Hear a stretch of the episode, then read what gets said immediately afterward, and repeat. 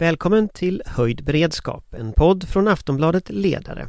Och idag intervjuar vi marinchefen Eva Skog Hasslum. Jag är oroad, säger hon, om utvecklingen i vårt närområde. Vi kommer att diskutera skillnaden mellan vilka hotbilder vi har mot Sverige och vad Sverige faktiskt kan göra. Som ett av de länder med längst kust i Europa så har vi också en ganska liten marin. Liten men vass, säger Eva Skog Hasslum, marinchef. Välkommen till Höjd beredskap. Idag med mig Anders Lindberg, Johan Viktorin, Patrik Oksanen och Amanda Wollstad. Vår beredskap är god.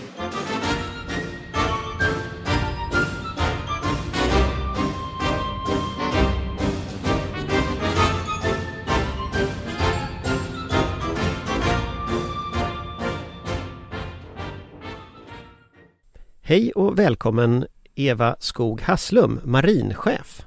Tack så mycket för det. Hur länge har du varit marinchef? Ja, det är snart två år. I januari så, så kretsar jag kring eh, tvåårsstrecket. För vi har bjudit hit dig idag lite för att prata om, om sjömakt, om eh, Försvarsmaktens behov när det gäller utveckling av marinen och, och lite om liksom läget idag. Mm. Så att om man börjar ställa frågan lite allmänt så här hur är vår beredskap när det gäller eh, sjön? Hur läget är? Ja, vi har en väldigt, väldigt, väldigt liten marin idag. Den är en väldigt liten rent numerärt, både plattformsmässigt eh, men också personellt. Om jag ställer frågan så här, hur många båtar har vi? Ja, det, det är svårt att säga rakt av på den siffran faktiskt. Eh, vi, vi, kan säga så här, vi har drygt 20 ytstridsfartyg, eller eh, jag ska säga stridsfartyg, som är minröjare, ubåtar och korvetter och så vidare. Eh, sen har vi ju ett antal småbåtar då, som till exempel våra stridsbåtar, där har vi liksom en 70-80-tal och så vidare. Så att rent numerärt så är vi inte en vansinnigt stor marin, det är vi inte. Och inte personellt heller. Det som jag eh, alltid brukar säga och som jag är väldigt stolt över, det är att vi i alla fall har behållit vår förmåga. Eh, så vi har inte tappat liksom någon direkt förmåga eh, under den här ja, 20-30 årsperioden. Och när du säger förmåga, om man tittar på den svenska kusten. Vi har väl bland de längsta kusterna i, i, Europa när man ja. tittar liksom på, på längden. Ja. Eh, vad är förmågan när du, ja. när du definierar, när du tittar på den liksom, vad är det, vad kan vi? Ja, det där med längsta kustlinjen, det, jag, jag fick äta upp det där när jag pratade med danskarna när de drog in Grönland också. Då. Men, eh, men eh, absolut, vi, vi, vi är en av de längsta som har längst kust, absolut. Och, och, och, det är ju konstigt då att vi då inte har prioriterat mer marin förmåga än vad vi har. Och under de här senaste 20 åren så har vi blivit väldigt begränsade in i Östersjön också. Så att liksom västkusten och Norrlandskusten har vi på något sätt inte lika mycket rörliga eh, förmågor idag. Vi har ju fasta, vi har ju fast övervakning där med radarövervakning och så vidare och vi har ju förmåga att operera där. Men eh, vår, vår, förmåga, det vill säga i alla tre dimensioner, då brukar jag säga i vattenvolymen, alltså under ytan, på ytan men också i luften, att vi har en förmåga där, sjöstridsmässigt, ytstridsmässigt, luftstridsmässigt, ubåtsjaktförmågan liksom så. Så att den förmågan, den har vi bibehållit. Och den, den, är, den är vi väldigt bra på. Så att vi är ju på det sättet är vi ju duktiga. Men då kommer man till de här frågorna med uthållighet och så vidare, där vi inte riktigt räcker till personellt och materiellt. Men det ska bli ändring på det nu. Men om man mäter det mot en kvalificerad motståndare, att man tittar på till exempel den ryska federationens väpnade styrkor eller man tittar på, på ja, någon form av samarbete mellan dem och andra makter kanske i framtiden. Ja. Alltså hur mäter sig den förmågan Sverige har mot en sån motståndare? Ja, och det är det här om man gör den mätningen så kommer man ju se hur dåliga vi är såklart. För det, det, det förstår ju alla vi att den numerären kan inte vi riktigt stå upp med. Utan här gäller det att vara lite smartare. Eh, vi får vara lite taktiskt mer duktiga. Vi får vara mycket mer flexibla. Vi bedriver en helt annan form av eh, styrning, det vill säga vår uppdragstaktik. Men vi jobbar också tillsammans med andra och Finland är ju vår absolut främsta samarbetspartner. Men vi jobbar ju tillsammans med andra myndigheter i Sverige, men också andra nationer. Så att vi säger så här, vi bygger säkerhet tillsammans med andra. Och vi ska aldrig hamna i det där våldsbegreppet. Det är ju det, vår marin syftar ju till att vi ska aldrig hamna där. Vi ska vara just konfliktavhållande genom att till exempel ständigt vara närvarande i Östersjön och västkusten och Norrlandskusten. Hur mycket så incidenter och sånt är det som händer? Man ser ju ibland i tidningarna det kommer upp liksom exempel på stridsplan som har flugit nära svenska fartyg eller vad det har varit. Så att säga. Hur mycket sådana incidenter är det egentligen? Det är ju några stycken varje år, både i luft och i, i, i havet. Då. Eh, och de flesta av de där redovisas ju, under ytan redovisar vi ju inte officiellt. Men det finns några stycken varje år och många utav dem, eller de flesta utav dem, är ju faktiskt på grund av misstag. Så ska jag väl ärligen säga och det är ju flera nationer som bidrar till det här då. Eh, så att, men det är ju det att hela tiden vara på tå, att alltid vara närvarande, att vara där när det sker någonting och visa på vår vilja att faktiskt vilja försvara oss. Det är ju det som är lite grann utav vårt existensberättigande, att vi, vi är där för att just visa att det här är vårt område och det här tänker vi försvara.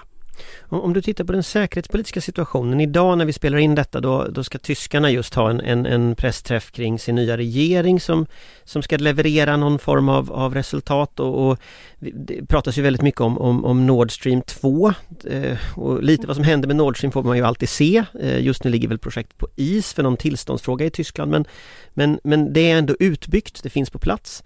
Eh, Alltså hur, hur oroad är du för den säkerhetspolitiska utvecklingen i Östersjöregionen när du tittar på den? Mm, jag är faktiskt rätt orolig. Och, och, då många gånger tänker man att det ska ske ett anfall gentemot Sverige och det är ju det, liksom, det, är det yttersta vi kan råka ut för. Men, men innan det så kan det ske så många andra saker. Eh, politisk på, påverkan, påtryckningar helt enkelt. Säkerhetspolitiska sådana. Eh, vi har det som jag kallar vattenvolymen och vi, då menar jag egentligen både botten men också hela havet som nu exploateras då. Nord Stream är ju ett exempel men det finns ju andra exploateringar. Vi pratar vindkraftverk och så vidare. Det gör ju också att placerar vi vindkraftverk ute till havs så måste vi kunna skydda dem för det är ju vår energiförsörjning.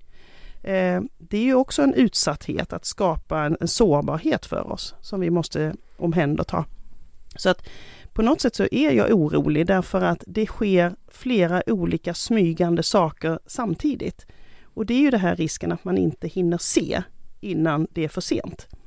Vi kanske bygger ett vindkraftverk där som vi inte har påverkan på till exempel. Eh, så därför vill jag att vi ska vara lite mer tydliga redan innan. Vindkraftverk, jag har inget emot vindkraftverk till sjöss på något sätt utan det är tvärtom, vi skulle kunna placera sensorer där. Men då måste vi vara med redan från början och, och, och styra det innan det går för långt. Men när du säger politisk påverkan, kan du ta ett exempel på vad som skulle kunna utgöra politisk påverkan? Ja, det skulle kunna vara. Det skulle vara så att någon kanske erbjuder oss att köpa gas till exempel. Eh, och det vill inte vi. Men så händer någonting med ett eh, handelsfartyg utanför en hamn. Och så får vi frågan igen. Eh, och så händer någonting igen. Alltså den här typen utav, ska jag säga, anonyma eh, eh, avsändare på någonting som sen kan påverka oss att, att, att fatta ett beslut till exempel. Där våra politiska ledare tvingas att fatta beslut för att man känner en politisk påtryckning. Det är ju ett sätt. Utan att för den saken skulle ha smält en endaste, eh, eh, fällt en endaste bomb eller, eller eh, skjutit en endaste robot. Så den typen utav påtryckningar för att få oss att göra någonting annat. Eh, den ser jag rätt så tydlig och där är det viktigt att vi är starka, att vi är starka som nation. Och det är inte bara marinen utan det är ju det är hela samhället som måste vara starka och robustare. Eh, vi hade ju en påverkansoperation som ni gick ut och pratade om tidigare här och det gällde ju eh, då Marine Traffic, de här GPS-positionerna på, på era fartyg eh, som började leva sitt eget liv och visade att de var någon annanstans än vad de faktiskt var. Kan du berätta mer om den händelsen? Ja det kan jag och det är ju till att börja med kan jag säga så här att vi i marinen är inte beroende av det som visas på den AISen då, då. Den, den, eh, det automatiserade informationssystemet. Det, det, finns ingenting som gör att, att vi är beroende av det. Det som tyvärr eh, sker det är ju att man skapar en bild. Man kan, man kan skapa en bild av att svenska örlogsfartyg befinner sig inne på någon annan nations eh, territorialhav utan att vi för den saken skulle ha varit där. Och jag brukar säga så här att negativa och, eh, negativa och falska nyheter, det brukar gå med ljusets hastighet. Medan positiva och kanske dementerande uppgifter går med ljudets hastighet, det vill säga vi kommer aldrig att komma ikapp. Så har man väl en gång sått det där fröet, att tänk om det var möjligt, så är det svårt att tvätta bort. Och det där är ju någonting som vem som helst kan plocka upp när som helst i en debatt.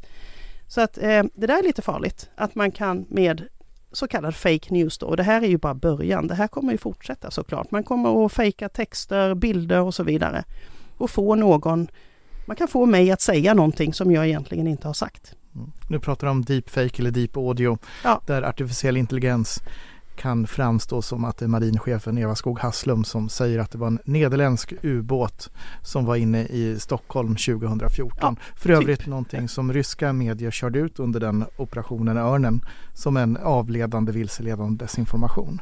Ja, typ. Och det är ju väldigt lätt och, och, den är ju svår att dementera när den väl har skickats då. Så att källkritik, källkritik, källkritik borde stå på agendan i alla skolor faktiskt. Jag, jag tänkte att vi hakar på lite mer med säkerhetspolitiska läget och så. Vi hade ju en stor övning i, i Ryssland, Zapad, eh, och det fanns även marina aspekter i det med bland annat uppgifter om eh, olika fartyg som, som eh, Eh, då lastade på trupp och seglade runt. Eh, kan, kan, du berätta mer om, om vad gjorde ni då och hur hanterade ni den situationen? Det här är ju en årligen återkommande övning och, i, och vissa år så genomförs den då eh, i, i väst och i Östersjön. Eh, och i år var ett sånt år. Och det här, vi vet ju om att den sker. Och det vi gjorde egentligen det är att vi, eh, vi anpassar vår beredskap också efter det. Så, så vi är på tå eh, och vi finns lite överallt. Eh, både marin, flyg och, och armé eh, är uppe på tå och visar också.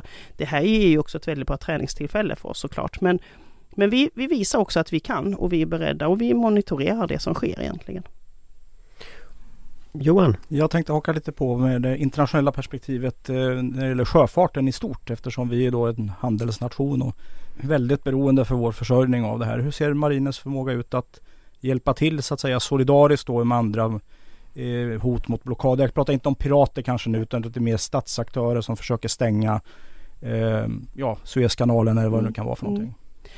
När det gäller rent internationellt så, så är vi ju redo att agera, in, alltså vi, vi, är redo att, att stödja internationellt. Så kommer det en sådan förfrågan eh, med ett FN-mandat så kommer vi att göra det.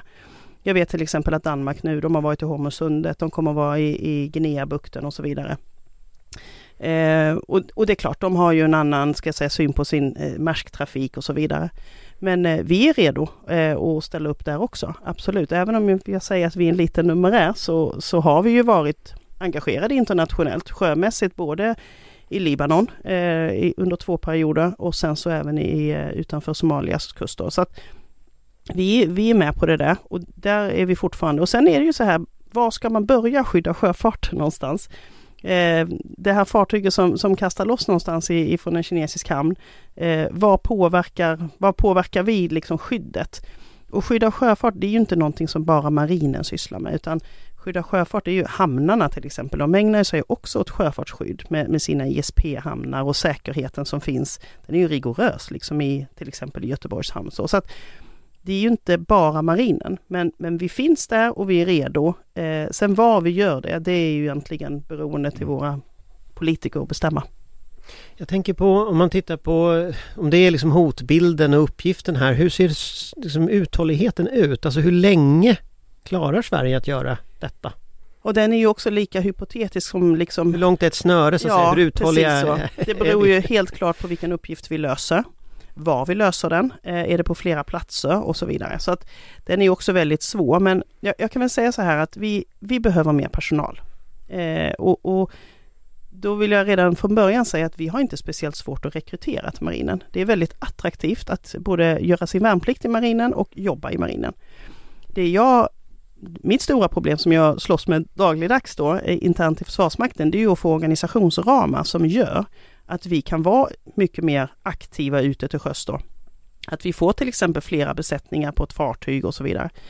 Eh, och då kan vi göra så mycket, mycket mer. Då får vi en helt annan uthållighet. Men det är klart, går vi väl in i ett krigsscenario, alltså där vi går in i höjd beredskap, då har vi ju ett annat verktyg som är plikt. Då, då kommer vi att plikta in ett antal individer och då får vi en ökad uthållighet också. Men det är inte så att det kommer ytterligare fler besättningar i det, inte som det ser ut just Men nu. Men var finns de människorna idag? Alltså var, varifrån behöver ni rekrytera? För det här är ju liksom väldigt kvalificerade personer ja. som behöver komma in. Vår rekrytering den, den startar ju med att man gör sin värnplikt.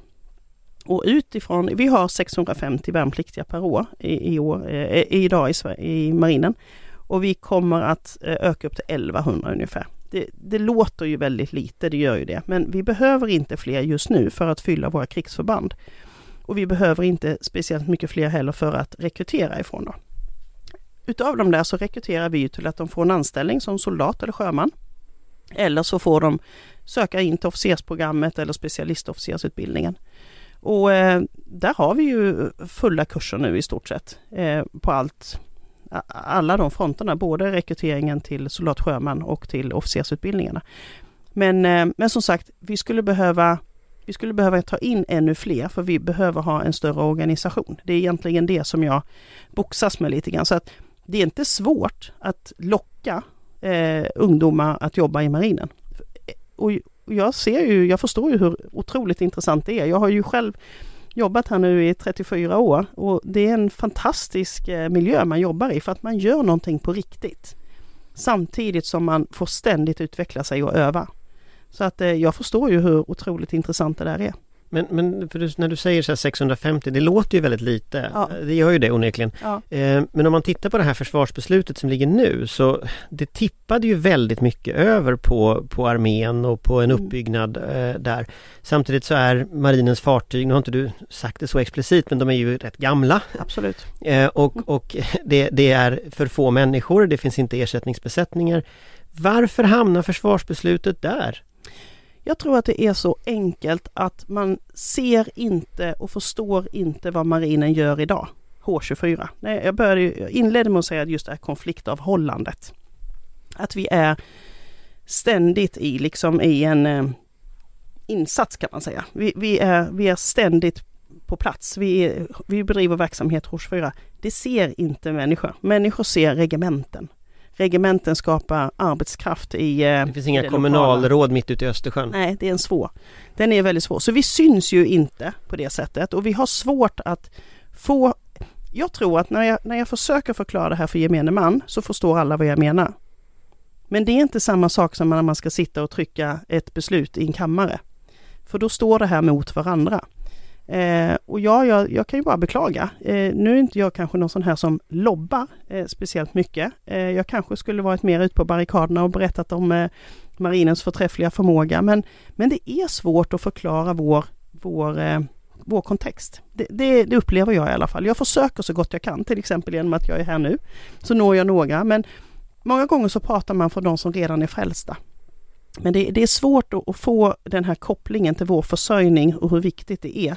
Men jag får koppla tillbaka till Johans fråga förut. Vi har just passerat, inte passerat, vi är mitt inne i Corona. Men när Corona började, en av de första sakerna som hände som jag väldigt tydligt kommer ihåg, det var att bandet på Volvo stannade. Ja. För att liksom värdekedjorna från Kina stannade och sen tog det två veckor och så stannade Göteborg. Och, och säg att det inte hade varit en smittsam sjukdom, säg att det hade varit en blockad. Mm. Alltså hur, hur, hur hur, hur mycket kraft har vi mm. i Sverige att mm. försvara oss mot en sån händelse? Mm. Och det är som jag säger, det är ju inte bara marinen som ägnar sig åt sjöfartsskydd då, utan det är ju många andra. Och man måste ju ställa mycket, mycket högre krav på det civila samhället idag. Att ha en robusthet, att kunna ha lagerhållning och så vidare. Så att när den här smällen kommer. Ja, det tog två veckor tror jag från det att ja. liksom, det hände där till att Göteborgs hamn inte ja. liksom fick in varorna. Och där kan vi ju bli så mycket bättre och jag menar man skulle kunna istället för en blockad skulle man kunna säga en strejk, vilket man har varit med om i Göteborg. Men vi säger att den är orkestrerad utav någon. Så jag menar man behöver inte fälla en mina i Göteborgs hamn utan men, men då är det just det här hur, vilken robusthet har hela samhället och där marinens del i det hela är just att kunna skydda sjöfarten till exempel in och ut från hamnar, men jag ser också in i hela Östersjön för att Östersjön försörjer, vattenvägarna på Östersjön försörjer ju så många fler länder än Sverige. Alltså både Finland och alla våra tre baltiska stater är ju, och Polen är ju väldigt beroende också utav den sjöfarten som kommer in. Så att det är så viktigt att vi håller Östersjöinloppen öppna också. Vi har ju en ö, eh, Gotland, ja. som varje vinter eller vinterhalvår drabbas av stormar när fartygen inte kommer och så blir butikerna tomma under en, en period.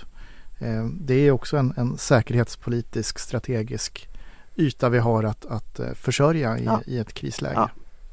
Men det är som sagt det är så många aktörer som behöver bli bättre.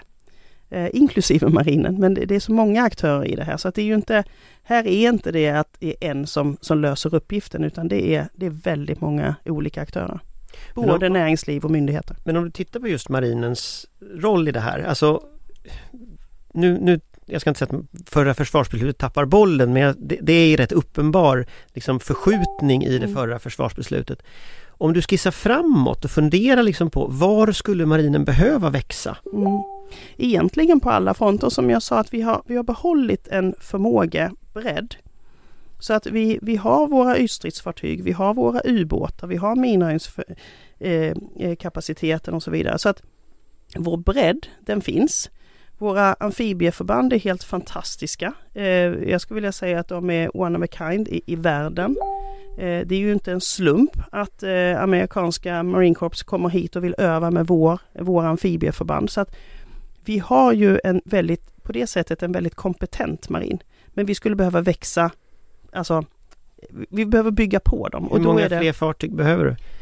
Ja, alltså skulle jag, nu ska vi bygga fyra nya ytstridsfartyg. Men vi kan ju också Och säga så här. Ja, och, och saken är ju den att de fyra de kommer ersätta fyra gamla så att vi kommer ju fortfarande att, bolla med då kanske nio ytstridsfartyg. Då. Det är ju inte speciellt mycket.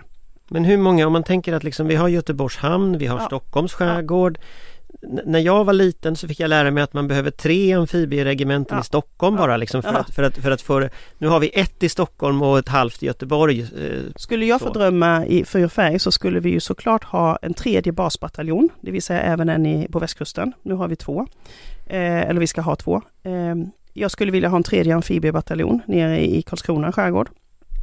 Eh, det är väl det minsta jag skulle kunna säga. Sen har vi våra helikoptrar som jag skulle behöva att vi, vi får igång lite mer fart i så att vi kan få utöka den förmågan också. Så att jag vet exakt vad jag skulle vilja och vad är på. tidsperspektivet på detta? När behöver du det? Om man tänker på utvecklingen i omvärlden så den ser inte mycket bättre Nej. ut. Liksom. Nej, Det det pågår en hybridoperation på gränsen till Polen just ja, nu. Liksom. Det är klart att jag skulle behöva ha det där nyss. Men Mm. nu ser du ju, alltså, anledningen att vi sitter där vi sitter idag, det är ju ett antal icke fattade beslut under en 20-30 års period. Så är det ju faktiskt. Och vi har ju suttit i en ekonomisk eh, klämma. Där har det varit ständiga prioriteringar. Nu har vi kommit ur den klämman. Men tålamodet hos oss är ju egentligen noll. För nu har vi fått, vi, vi ska ju liksom gå upp till över 80 miljarder. Det är ju liksom en fördubbling.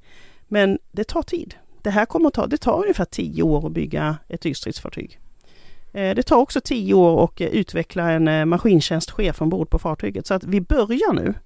Men det är, det är 2030, då kan jag känna att ja, men då, det är vi, de besluten vi fattar nu, det ser vi resultat av. Men, 2030. men om vi tittar på att idag när vi träffas så har just Magdalena Andersson blivit ny, ny eller hon har vald till statsminister. Hon kommer väl tillträda på fredag och träffa kungen och ha skifteskonselj tror vi just nu. Det vet vi inte när vi har det här samtalet. eh, men, men om du tittar på den regeringen, Mm. eh, vad är det för säkerhetspolitisk situation och liksom utmaning de, de ärver i så fall Ja. när det gäller just den här delen? Just den här delen med, med eh, det försvarspolitiska beslutet, är det det Ja, tänker marinen är jag ute efter. Ja, alltså Din, din ruta så att Ja, säga i det hela. utmaningen är ju återigen som jag säger, det är ett antal icke fattade beslut eh, historiskt. Och nu sitter ju de i en sits där vi ska bygga på allt. Vi ska bygga på alla fronter. Jag är ju väl medveten om att det är inte bara marinen som inte har fått sina beslut fattade utan det, det gäller ju alla. Och jag tycker det här är väl en bra ansats man har tagit i det här försvarsbeslutet. Även om jag hade absolut sett att marinen hade fått ytterligare. Men som sagt, vi måste ha tålamod och vi måste göra det här i takt. Det, men det tar tid. Men jag hade ju gärna sett som sagt en ökad organisationsram. Jag tror nämligen att personal, personaldelen i försvarsbeslutet är lite underskattat. Det är min, Kan du utveckla det? min gissning. Nej, Jag, jag tror inte att man har räknat med att vi behöver vara vi har ju gränser idag för hur många officerare och hur många soldater och sjömän vi får lov att vara. Den kommer inte att öka dramatiskt de närmaste tio åren. Inte dramatiskt. Vi kommer att öka på eh, plikt. Men inte speciellt mycket som är kontinuerligt anställda, det vill säga de som är gripbara här och nu. Plikt, de kommer in först när eh, regeringen trycker på höjd beredskap. Patrik? Det som eh, Eva här nu nämner och tar upp det är ju det jag tror att vi kommer att se i rubrikform som, som Försvarsmaktens nästa stora kris om man får uttrycka sig i de orden. Eh, att eh, eh, ute på, på förbanden så, så räcker personalen inte till. Eh, och att eh, eh, jag tycker att man ser sådana signaler från, från alla, alla olika vapengrenar också att det, man har det här problemet. Och eh, det är ett eh, riktigt bekymmer för att det handlar ju då om, om att vår förmåga att leverera verkan här och nu försämras ju genom det. Och, och, precis så, för vi har, ju, vi har ju den här personalen som är kontinuerligt anställd, det vill säga de går till jobbet, de går till marinen eh, alltså varje dag. Det är inte några som vi kallar in först vid höjd beredskap. Och det är ju den vi är i så stort behov av och den kostar ju pengar. Och vi ska konkurrera med arbetskraft i framtiden så måste vi också vara beredda att ge dem lön för det, det de gör. Så att, alltså jag har världens bästa personal. De är superduktiga men de går på knäna för att uppgifterna är lite övermäktiga. Och där finns ju också exempel på eh, där andra civila myndigheter rekryterar Försvarsmaktens personal. Där man då plockar personal från, från eh, med, med kompetent befattning över till en annan kompetent befattning. Men där man kan få med sig ett lönepåslag på, på ett femsiffrigt belopp. Och det är klart att det är ju någonting som, som konkurrerar med, med eh, Försvarsmakten på ett sådant sätt som Försvarsmakten inte kan möta. Och jag har ju egentligen i stort sett inga jätteproblem när man gör det för att jag tänker att det gagnar landet Sverige. Eh, skulle det bli stora personalflöden, då är det ett problem. Men vi har, vi har väldigt lite faktiskt avgångar idag bland vår fastanställda personal. Det, det, faktiskt, det, det är ofta så att man, när, när, någon god kollega slutar så tycker man att det är väldigt sorgligt och det, det är det ju. Men eh, de, de, är hyfsat låga än så länge. Men, eh, men det kan absolut bli problem, framförallt när det blir en lönediskussion. Johan? Det är klart att marinchefen ska dessutom få behålla de eh, ytstridsfartyg som ska omsättas nästa gång så att säga och växa marinen ytterligare. För vi behöver kanske en dubblerad marin egentligen utifrån det vi pratar om. Ska vi komma ihåg att Ryssland är en kontinentalmakt till att börja med och kanske inte har sina vassaste kort. Eh, I, i, de är ju lite instängda i Östersjön också, det får man inte glömma bort. Även om de då för in ny teknologi som kaliberrobotar som kan skjuta då eh, i, i olika slags eh, eh, ja, så här, uppsättningar kan man säga. Som en kryssningsrobot, som en överljudsrobot. Liknande som är liksom vassa, lång räckvidd och sådana saker. Och det måste vi ju kunna hantera. Men där tror jag då att ska man göra den resan att bli då en större och starkare eh, marin som, är, som möter de behov som man ser framför sig. Då är det en strategisk risk med personalförsörjningen. Och här tror jag faktiskt att Försvarsmakten måste vara lite modigare och ta in lite mer personal. För arbetskraften är mer rörlig idag. Stannar kanske inte riktigt lika länge som Eva eh, och hennes generation gjorde så att säga. Där man mer såg det här som ett kall. Och då, då måste man liksom, där behövs varje man och kvinna. Mm. Eh, för att just då kunna växa eh, marinen till full förmåga. För det är till syvende och sist personalen som, och de kompetenta människorna tillsammans med de här systemen som skapar effekt. Just nu är vi ju små men väldigt vassa. Ja. Men, men om man tittar på Det finns ju en sån här underliggande fråga hela den här budgetfrågan. Det är varför blev det så här? Mm. Eh, och, och, om man ska ta sig ur det här så måste man ju någonstans analysera varför man hamnar i den här situationen.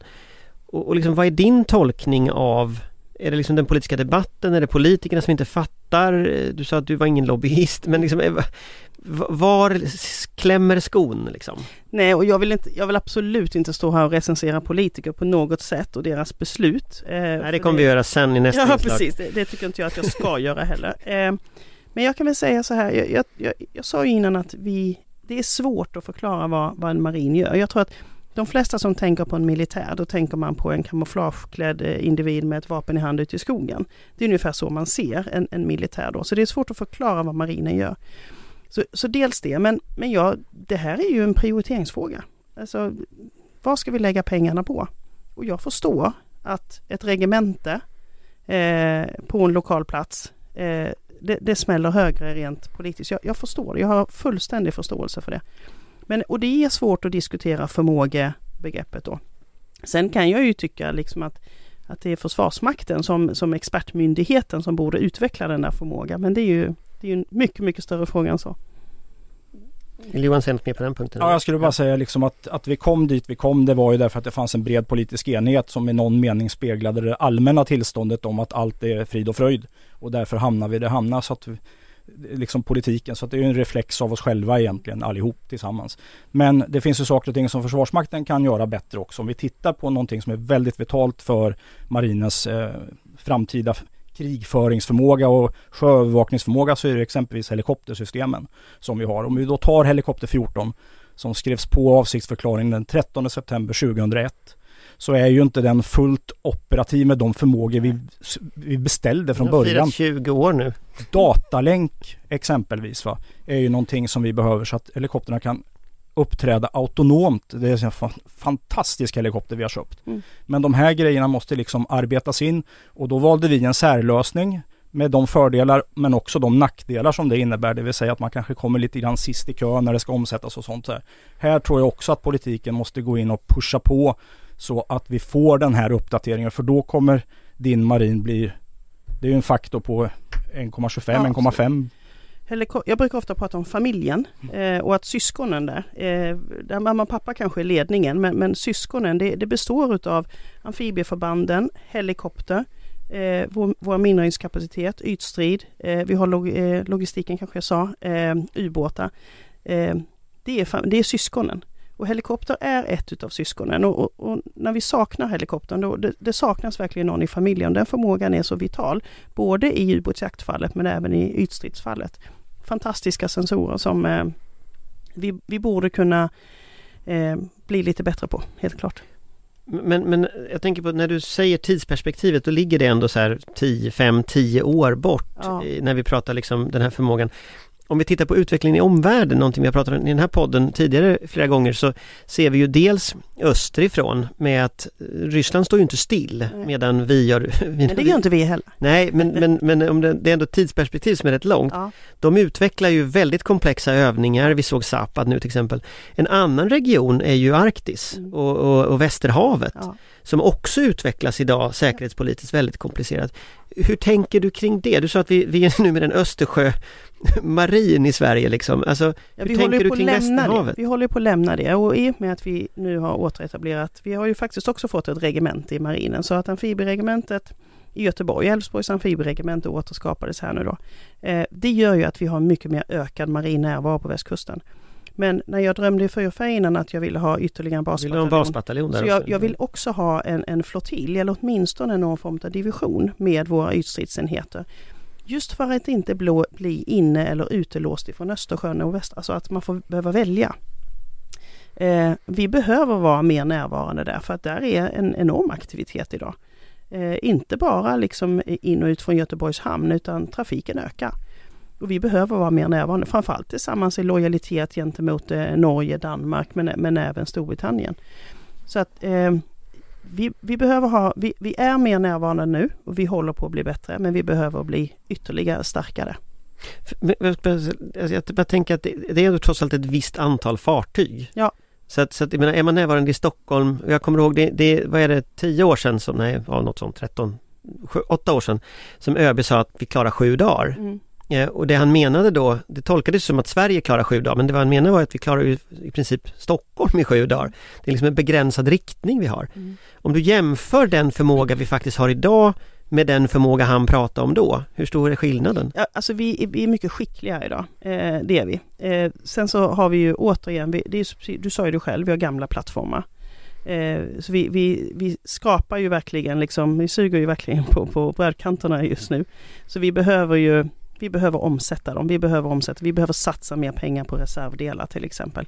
Så att, eh, men, men jag måste också säga att vi övar ju på ett helt annat sätt idag än vad vi gjorde kanske för tio år sedan.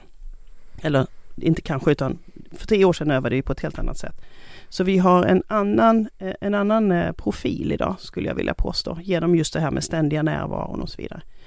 Men vi, vi behöver vara, vi behöver, vi behöver inte, vi ska inte behöva välja mellan västkust och ostkust, utan vi ska vara på både och. Vi måste visa och vi får inte glömma Norrlandskusten för att det är ju samma sak där. Eh, vapnen, våra vapen går längre eh, och andras vapen går också längre. Så att, alltså att påverka oss på Norrlandskusten fast utifrån, den är ju inte helt eh, omöjlig i, i framtiden heller. Eh, vi har inte varit inne på obemannat, men det är ju också ett sätt, inte att ersätta våra plattformar utan att komplettera dem och kanske utöka våra områden. Så att obemannat i alla tre dimensioner, både i luft, yta och i vattenvolymen, är ju också en utveckling som vi ser framför oss. Så där börjar vi ju egentligen i första hand med minröjningssystemen. Att kunna minröja fast med obemannat. Då då. Så att, eh, men det där kommer ju också att ta stormsteg och här, här hänger vi ju med världsteknologin egentligen. Ja, där är väl svensk försvarsindustri också ganska långt fram när Absolut. det handlar om de här sakerna. Ja. Patrik? Du har ju en chef som heter Mikael Bydén, överbefälhavare. Han har ju fått ett verb uppkallat efter sig, att bydena. Ja. Det vill säga att plocka fram någonting som, som eh, alla har glömt bort ur ett förråd och förbandsättare. I det här fallet så var det ju sjömålsrobot stationerat i land. Vad har du som du skulle kunna bydena fram ur gömmorna? Jag tänker till exempel det ligger några eh, gamla minsvepare som är urblåsta i, i, i Karlskronas hamn.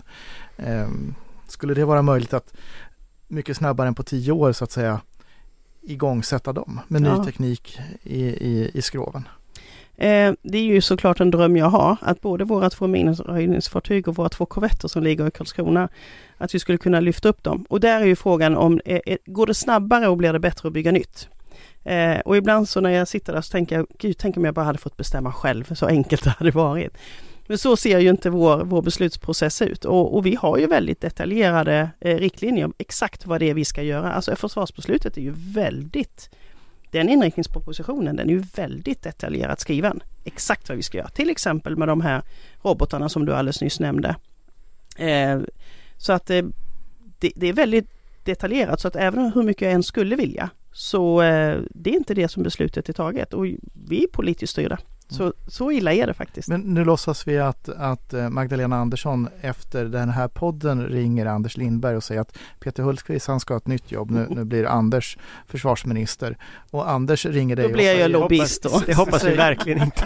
ringer och säger till dig att, att nu, nu, nu, är- nu är läget sånt att, att du får fribasea, du kommer att få lite medel för det. Eh, vad vill du göra? Ja, till att börja med skulle jag behöva anställa mer personal. För att våra fartyg, även om vi behöver större numerär, så behöver vi också använda dem mer. Så att eh, mer personal, är det, det, det är faktiskt det som står högst på listan. För att min personal går stenhårt just nu. Och det håller inte i längden. Det är inte att bygga robusthet. Så att eh, personalen är faktiskt eh, det som jag skulle vilja satsa på ännu mer, att anställa fler. Eh, det tar ju ett tag. Det här, jag brukar, alltså Rom byggdes inte på, på en dag och försvarsbeslutet fattades för ett år sedan, rätt så exakt. Så att eh, det, eh, det har inte gått så lång tid. Så vi, vi, vi får inte liksom lov att, att skölja ut barnen med badvattnet nu faktiskt, utan låta det här ta sin tid. Men sen måste vi göra saker snabbare. Det tar alldeles för lång tid att anskaffa till exempel fartyg. Det tar alldeles för lång tid och det håller vi på att jobba med också. Internt så stångas vi hårt med det. Johan? Ja, det låter som en väldigt klok prioritering tycker jag därför att eh, om man nu har en ökad eh, gångtid på fartygen och har den ambitionen att synas mer så får man inte slita på besättningar svårt så att de till och med slutar. Eh, och sen vill man då helst ha dubbla besättningar för då blir det slitaget oerhört mycket mindre. Men eh, eh, vi pratar ju här om att önska sig saker och, och varv och sånt där. Vi får inte glömma bort att eh, marinen också är beroende av svensk varvskapacitet också. Att det är också en faktor som ingår i den här familjen. Så att man kan gå in och göra översyn eller re- reparera fartyg om det skulle hända någonting och sånt också. Att den förmågan finns nära till hands är ju också väldigt viktigt. Och vi rustar ju upp ett, ett system som inte använt eller är nämnt idag. Ett signalspaningsfartyg också som är nytt och som kan användas i ur och skur. Precis. Om, om man eh, tänker lite, man ska liksom börja runda av och lite tänka på framtiden så här så ser vi ju nu, det vi diskuterat flera, så, kring, kring så här, säkerhetspolitiska utvecklingen så går den ju i regel åt fel håll Ja. i princip var vi än tittar. Den går åt fel håll i Arktis, den går i fel håll i Östersjöregionen, det går fel håll nere i östra Europa. Mm. Vi ser liksom det på något sätt, det, det förändras till det sämre. Just. Om du skulle vilja hinna ikapp det här, om du skulle vilja hålla jämna steg med detta, vad skulle vara det viktigaste du tycker politikerna ska tänka på nu i diskussionen framöver? Vad är liksom det centrala? För om vi, om vi bortser från själva önskelistan när det gäller att, så att säga, här vill man ha ett, en basbataljon och här vill man ha en, en ny ubåtsbesättning. Mm. Så att säga, vad, hur håller vi jämna steg med en omvärldsutveckling Mm. som just nu ser ut att gå helt åt fel håll? Ja, då tar jag nog ett kliv utanför marinlådan eh, och säger det är ju totalförsvaret. Eh, och det är så lätt att man blickar tillbaka mot det gamla totalförsvaret och det är inte det jag pratar om, men att bygga en, en, en befolkning som är tillräckligt robust och kunna, och kunna ta smällar. Eh, att bygga ett näringsliv som är värt namnet när det gäller kris och krig. För jag är jätteorolig att vi har eh, en eh, industri idag eller ett näringsliv idag som vi litar på men som när det verkligen kniper som inte finns där. Och, men det börjar med på individnivå. Så att jag, jag, jag skulle vilja liksom att i, i, skolan så får man lära sig mycket, mycket mer om totalförsvaret. Jag skulle vilja att man eh, utbildar liksom befolkningen i vad det här faktiskt innebär att stå emot en kris. Jag tycker vi har ju världens momentum nu när vi kommer liksom ifrån en pandemi. Eller vi befinner oss fortfarande mitt i den. Men då tror jag att det är så lätt att förstå på ett annat sätt vad det här faktiskt kan innebära. Så att, att bygga en robusthet i samhället, allt ifrån att lita på myndigheter till att som individ kunna stå emot någonting. Det tror jag är, det, det, är liksom, det är den svagaste länken just nu som måste bli starkare. För att vi kan bygga hur stark försvarsmakt som helst, men vi är beroende utav samhället i övrigt, att det verkligen fungerar. Vi, vi tillverkar liksom inte egen eh, dieselbrännolja utan vi förväntar oss ju att, att den eh, infrastrukturen finns i Sverige. Som ett exempel. Tack så mycket för att du kom hit. Tack så mycket. Vår beredskap är god. Så, då eh, var vi tillbaka här i studion fast utan Eva Skog Hasslum och eh, Ja, det var ju en, en eh, oroad och ganska tydlig skulle jag säga marinchef. Eh, ska vi börja med Amanda, vad är dina reflektioner? Uh, nej men det är väl så tydligt. Ja, hon är tydlig och rak uh, och det är ju berömvärt. Samtidigt så är det ju det här återigen, vem pratar man med och hur mycket förstår de? Uh, för jag, situationen är ju oerhört allvarlig och hon pratar ju inte minst om bristen på personal och hur hårt körda de är just nu. Och det är ju oerhört allvarligt att vi redan i det här läget har en så pass stor personalbrist och ett så stort högt, högt uttag av personalen. Eh, när vi vet att situationen ju knappast kommer bli bättre framöver. Eh, vi har ju också önskemålet om nya fartyg och så vidare. Vi vet ju att det är oerhört långsiktiga projekt vi talar om. Eh, så brådskan framkommer kanske inte riktigt heller, eller snarare, hon, hon är ju naturligtvis begränsad i vad hon kan säga och det hon säger är väldigt bra. Och för hennes roll väldigt tydligt. Men frågan är ju hur man får den tydligheten som gäller för Försvarsmakten att framstå som så tydlig som den behöver vara för politiker och väljare för att faktiskt få det tryck på den situationen som behövs. Johan? Nej, jag eh, gick väl härifrån så att säga det här samtalet med att hon eh, uppvisade insikt tycker jag och eh, tog upp det här då med personalen som en strategisk risk då först. Att det var en viktig fråga. Tänka utanför och se sitt eget beroende av allting eh, runt omkring också väldigt viktigt. Och det här med snabbare processer för att få fram de här plattformarna nu då man tar ett ökat personalinflöde så att man någon gång i framtiden också kan bemanna den här typen av nya system, nya fartyg etc. Så att jag tyck, det tyckte jag lovade gott och sen är det bara att stryka under och säga att det var ju så tydligt det kunde vara att tugga på brödkanten, eh, suga på brödkanterna sa hon. Patrik? Ja, alltså i det här signalspråket som, som kommer från marinchefen så är det ju ifrån hennes roll svårt att, att uh, vara tydligare. Och vi har ju en rad myndighetschefer som är oerhört tydliga. Jag tänker på Claes Friberg nu som uh, han har Tidigare avgådd Säpochef. Säpochef. Ansträngningarna, viljan att hålla Sverige säkert är inte tillräckliga. Eh, det är en annan typ av, av larmklocka. Det här är ju eh, Brödkanten är ju en, en, en, en larmklocka i samma dignitet i det här. Eh, och sedan så är det som så att på någonstans längs vägen från det här tydliga tjänstemannabudskapet så uppfattas det inte på det sättet i den politiska kontexten.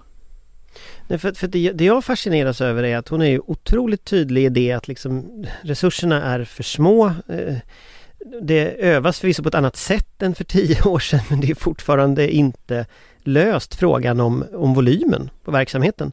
Samtidigt har Sverige då ja, längst kust i Europa drog jag till men det var ju kanske fel då om Grönland, jag vet inte om Grönland ligger i Europa men, men men vi har i alla fall en oerhört lång kust och denna kust är mot Östersjön och på andra sidan Östersjön ligger Ryssland. Så att det är liksom ett jätteutsatt läge just ur det här perspektivet. Ändå har politikerna misslyckats med just det här området under ganska lång Det är inte bara det här försvarsbeslutet ska vi inte glömma heller. Det är även förra försvarsbeslutet och, och sen ser vi liksom en, efter den här nedrustningen så har egentligen aldrig någon återhämtning skett i reell mening. Hur hamnade vi i en sån här situation? Ja men det tror jag är vad jag sa förut. Att vi alla var överens om att det var lugnt och grönt. Den eviga freden? Ja, att det var det som försatte oss i liksom den till, liksom tillståndet och nu är det bara internationella som gäller och som är viktigt. Och det är en viktig dimension som vi inte får, vi får inte liksom pendla bort i ytterläget nu för att vi måste framförallt i marinen ha en internationell dimension med vår försörjning. Och där tycker jag att politiken och även näringslivet behöver bjuda till lite grann eh, eftersom vi har det här beroendet och vi pratar vitt och brett om solidaritet eh, med andra men också med oss själva. Så där måste vi liksom ha en förmåga att kunna bidra på bästa sätt. Eh, att upprätthålla fri navigationsrätt, att sjöfarten kan eh, ske obehindrat vare sig det är då över havet eller över hamnarna så att säga. Så det tycker jag är superviktigt. Om jag får lägga till ett kulturantropologiskt perspektiv i svenska folkets eh, eh bortglömda hav eh, så är det väl det att, att eh, någonstans fram till 1960-1970 80 när du skulle åka utomlands, ja även kanske fram in på 80-talet, eh, då åkte man ju med båt för att lämna det här landet för att upptäcka världen. Eh, men sen så kom ju flyget. Eh, och nu tror jag inte att vanliga svenskar tänker på att vi är liksom öbor. Vi delar en strategisk ö med, med Finland och Norge.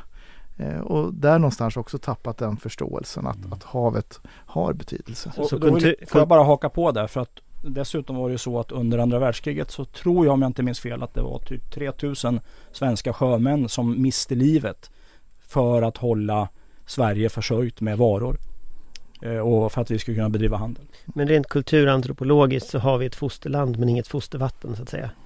Man tänker inte oss som en havsnation. Nej, det var väl en, en bra beskrivning. Mm. Amanda? Eh, problemet är väl att eh, även inom militären eh, i stort, inom försvarsmakten och inom försvarspolitiken så har man samma syn. Eh, att eh, marinen går lite för sig själv även inom försvarsmakten och glöms lätt bort. Eh, och det är ju en väldigt stor risk med tanke på att det är där stora delar av tröskelförsvaret och stora delar av försörjningsförmågan, skyddet av vår försörjning ligger. så frågan är hur man får, det är väl en sak att att vanliga människor inom citationstecken inte tänker på, på marinens stora strategiska betydelse för Sverige och eh, taktiska och försvarsmässiga. Men eh, problemet är ju när inte myndigheten alltid själva kommer ihåg att de finns och vad de gör. Eh, och det är väl där problemet kanske måste lyftas på riktigt. Och så måste vi komma ifrån det här jag håller med eh, marinchefen om att det är förståeligt att politiker gärna vill öppna regementen och det är bra för hembygden och så vidare. Men den här oerhörda självintresset och den ständiga utgången ifrån att Försvarsmakten i första hand är till för att lösa eh, arbetslöshet på landsbygden eller få ordning på vanartiga ungdomar eller ställa upp med tält när vi har stora migrationsvågor eller vad det nu är på något sätt måste vi komma ifrån den här kulturen att Försvarsmakten är någon slags regulator på alla andra områden och inse att det här är statens absoluta kärnuppgift och att deras intressen eh, faktiskt måste gå före mycket annat och framförallt måste deras intressen gå först när det gäller deras egna budget och deras egna resurser. För där tror jag också att marinen råkar illa ut just eftersom det är, det är få det är väl Karlskrona, Stockholm och Göteborg möjligen där man kan klippa band för marinen. Men, men det får inte vara det viktigaste i försvarspolitiken. Johan? Ja, den här andnöden som vi har haft då under de här 20 åren, eller vad vi ska säga 25 åren. Det får vi skänka en tacksamhetens tanke också till de föregångare som marinchefen har haft. Som har förmått att behålla en förmågebredd.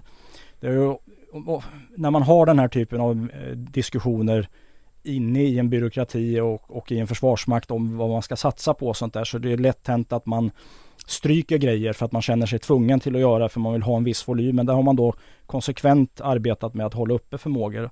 Och det kanske är tur det nu då när vi ska växa till så att vi kan liksom, även om då det var väldigt tunn hud och tunna muskler på det när vi vände här på botten. Så, så finns de här förmågorna så man kan bedriva ubåtsjakt. Man kan göra det i samverkan med ytstridsfartyg. Man har en förmåga till strid under vattnet med, med både mineringar och, och ubåtar och så vidare. Så det är väldigt bra att eh, den finns kvar för annars hade det inte varit mycket att bygga på. Jag tänkte en annan fråga som, som vi hade uppe med, med eh, Eva Skog Hasslum var ju hur oroad hon var över läget. Och hon sa jag är oroad. Hur oroad bör man vara när man ställer den svenska förmågan i relation till den utveckling som sker i omvärlden? För den står ju inte still. Patrik? Jag tycker att man ska vara väldigt oroad därför att om vi tittar på det stora strategiska planet så händer det väldigt mycket just nu som, som ritar om kartorna i världen och eh, vi hade ju president Niinistö från Finland på Kungliga krigsvetenskapsakademins högtidssammankomst eh, och han var högtidstalare och där konstaterade han att vi står vi står på, på gränsen till en ny värld, eller vi kanske till och med har klivit in i en ny tid eh, när det gäller eh, geopolitisk konkurrens och ett internationellt system i, i gungning. Och vad det kan leda till eh, och för små nationer så, eh, ja, jag säger liksom som jag sagt tidigare att eh, vi får riskera att vi kommer att få se åka av eh, de kommande eh, åren. Eh, och det gäller att spänna fast bältet och hålla huvudet kallt och hjärtat varmt och krutet torrt som salige riksdagsledamot Mats Johansson i Moderaterna brukade säga. Amanda? Jo men det är klart vi ska vara oroade, vi ska till och med vara mycket oroade. Samtidigt så ska vi ju komma ihåg att vi har ju också mycket goda förmågor, otroligt kompetent personal. Så att det finns ju ändå, det, det får vi inte glömma bort, det finns möjligheter att bygga upp och bygga vidare. Eh, vi ska hålla hoppet uppe och, och inse vilken otroligt skicklig försvarsmakt vi har och vilka otroliga tekniska förmågor vi faktiskt har, inte minst med tanke på vår storlek. Eh, det behövs mer pengar, det behövs mer personal, det behövs mer resurser, det behövs nu och vi ska absolut vara oroliga och inse att det finns en, en brådska i detta. Eh, men vi ska inte ge upp heller. Johan? Nej det ska vi verkligen inte göra. Jag tyckte det var intressant att Eva lyfte de här perspektiven med både en ökad resiliens i befolkningen. Eh, hon lyfte också upp eh, det här med Eh, desinformation eller informationsoperationer och den vikten och såg lite utanför. Man brukar ju säga i det arabiska ordspråket att en god lögn går mellan, eller lögn, lögnen går mellan Bagdad och Konstantinopel medan sanningen letar efter sina sandaler. Och det är ju ett eh, liksom med den utveckling vi ser nu med syntetisk media och den här typen Eh, bild, manipulerade bilder som är väldigt svårt att värja sig mot för det tar inte vägen via förnuftet och sånt. Så finns det många förutsättningar då att skapa en bild. Har dessutom svenska fartyg varit ute, om vi ska anknyta till det vi pratade om, varit ute och haft en, fart, en övning på internationellt vatten och kanske lagt ut på hemsidan och sånt. Då är det ju lite lättare att göra en sån manipulation på AES-systems vis, eh, visualiseringen. Att de då gick in på ett annat lands territorialvatten eller låg strax utanför, ja. fast de egentligen låg i Hanöbukten. Precis, exakt. Va? Så att, eh... Men där kan man ju säga att det här exemplet som Patrik tog upp med, med den nederländska ubåten mm. när, när marinen hade sin underrättelseoperation i Stockholms skärgård. Eh, det var ju SVT gick ut med att den kunde vara en nederländsk ubåt och de stora tidningarna, jag tror Aftonbladet också flashade ut det här att det kunde vara en holländsk ubåt. Vilket naturligtvis eh, ställer till det för marinen. Och när svensk media inte har den beredskapen att förstå att det här är fake liksom från, från Ryssland. Och jag tror till och med källan var liksom den källan uppgavs vara liksom en, en, en källa från det tys, ryska försvarsdepartementet, Ria Novosti. Så det var liksom bullshit från början till slut. Ändå så kör man ut en sån nyhet. Så den svenska beredskapen så att säga, även när det gäller liksom information och sånt, var ju inte helt eh, kan man säga, jätteimponerande då. Nej. Det utpekade fartyget låg ju dessutom på varv vid den helden. Jo men det var en bild på en holländsk ubåt. Det räckte liksom. Mm. Nej men så var det ju, men det var ju ändå sju år sedan så att vi får ju hoppas då att vi har blivit lite bättre eh, när det gäller de här bitarna och då ska det bli väldigt intressant att se vad som eh, händer med den nya myndigheten för psykologiskt försvar men det kan vi prata om en annan gång då. Men eh, ja, jag tänkte var det någon mer reflektion som vi hade om detta? Annars så tackar vi varandra och så kommer vi återkomma med höjd beredskap. Tanken är att vi kommer nu att, att börja försöka återuppta här och vara i studio, vilket är en stor fördel. Amanda befinner sig just nu på ja, Lund är det va? Tror jag? I Malmö. Malmö. Men i fortsättningen så kommer vi försöka sända härifrån från Stockholm. Så välkommen tillbaka och tack för den här veckan. Hej hej! Tack, tack. Vår beredskap är god.